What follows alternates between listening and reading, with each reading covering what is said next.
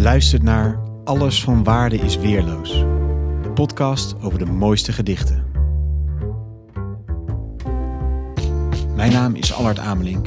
In elke aflevering vraag ik een luisteraar naar zijn of haar favoriete gedicht. Zo bouwen we samen een kanon van de mooiste poëzie. In deze aflevering hoor de keuze van. Jos Rauw. Dag Jos, wat leuk dat je meedoet aan deze podcast.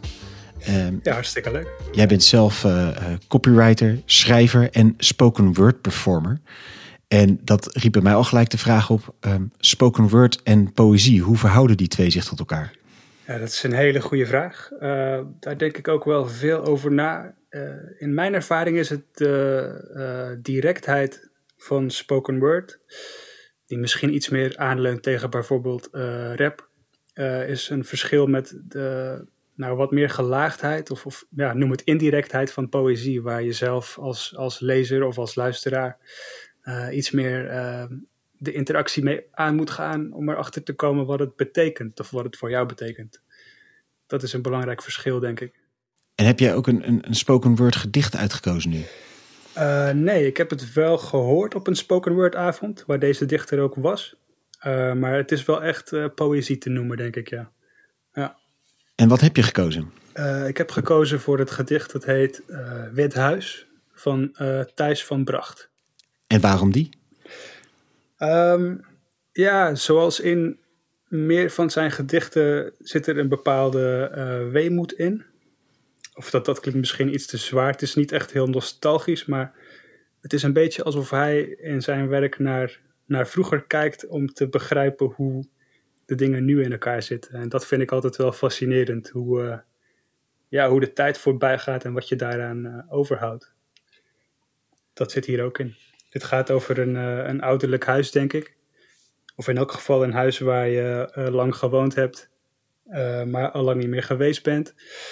Um, terwijl het nog wel een rol speelt in je, ja, in je herinneringen natuurlijk en in je belevingswereld misschien zelfs ja, dit gedicht laat echt wel ruimte voor je eigen uh, interpretatie. Dus hoewel het vrij eenvoudige zinnen zijn die uh, Thijs van Pracht gebruikt, echt kraakheldere taal, uh, vond ik dat je er meteen zelf in meegenomen wordt en dat je nou ja, je eigen ouderlijk huis als het ware weer, uh, weer instapt.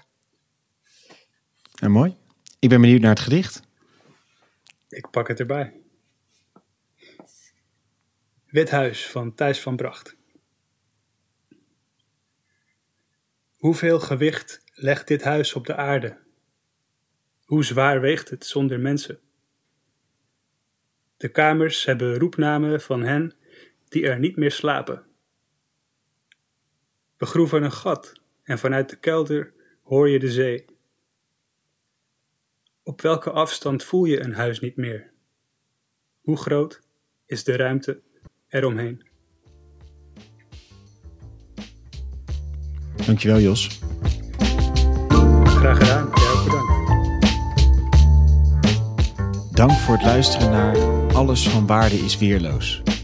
Wil je zelf een gedicht delen? Stuur me dan een bericht op Twitter, isweerloos, of op Instagram, Alles van Waarde is Weerloos.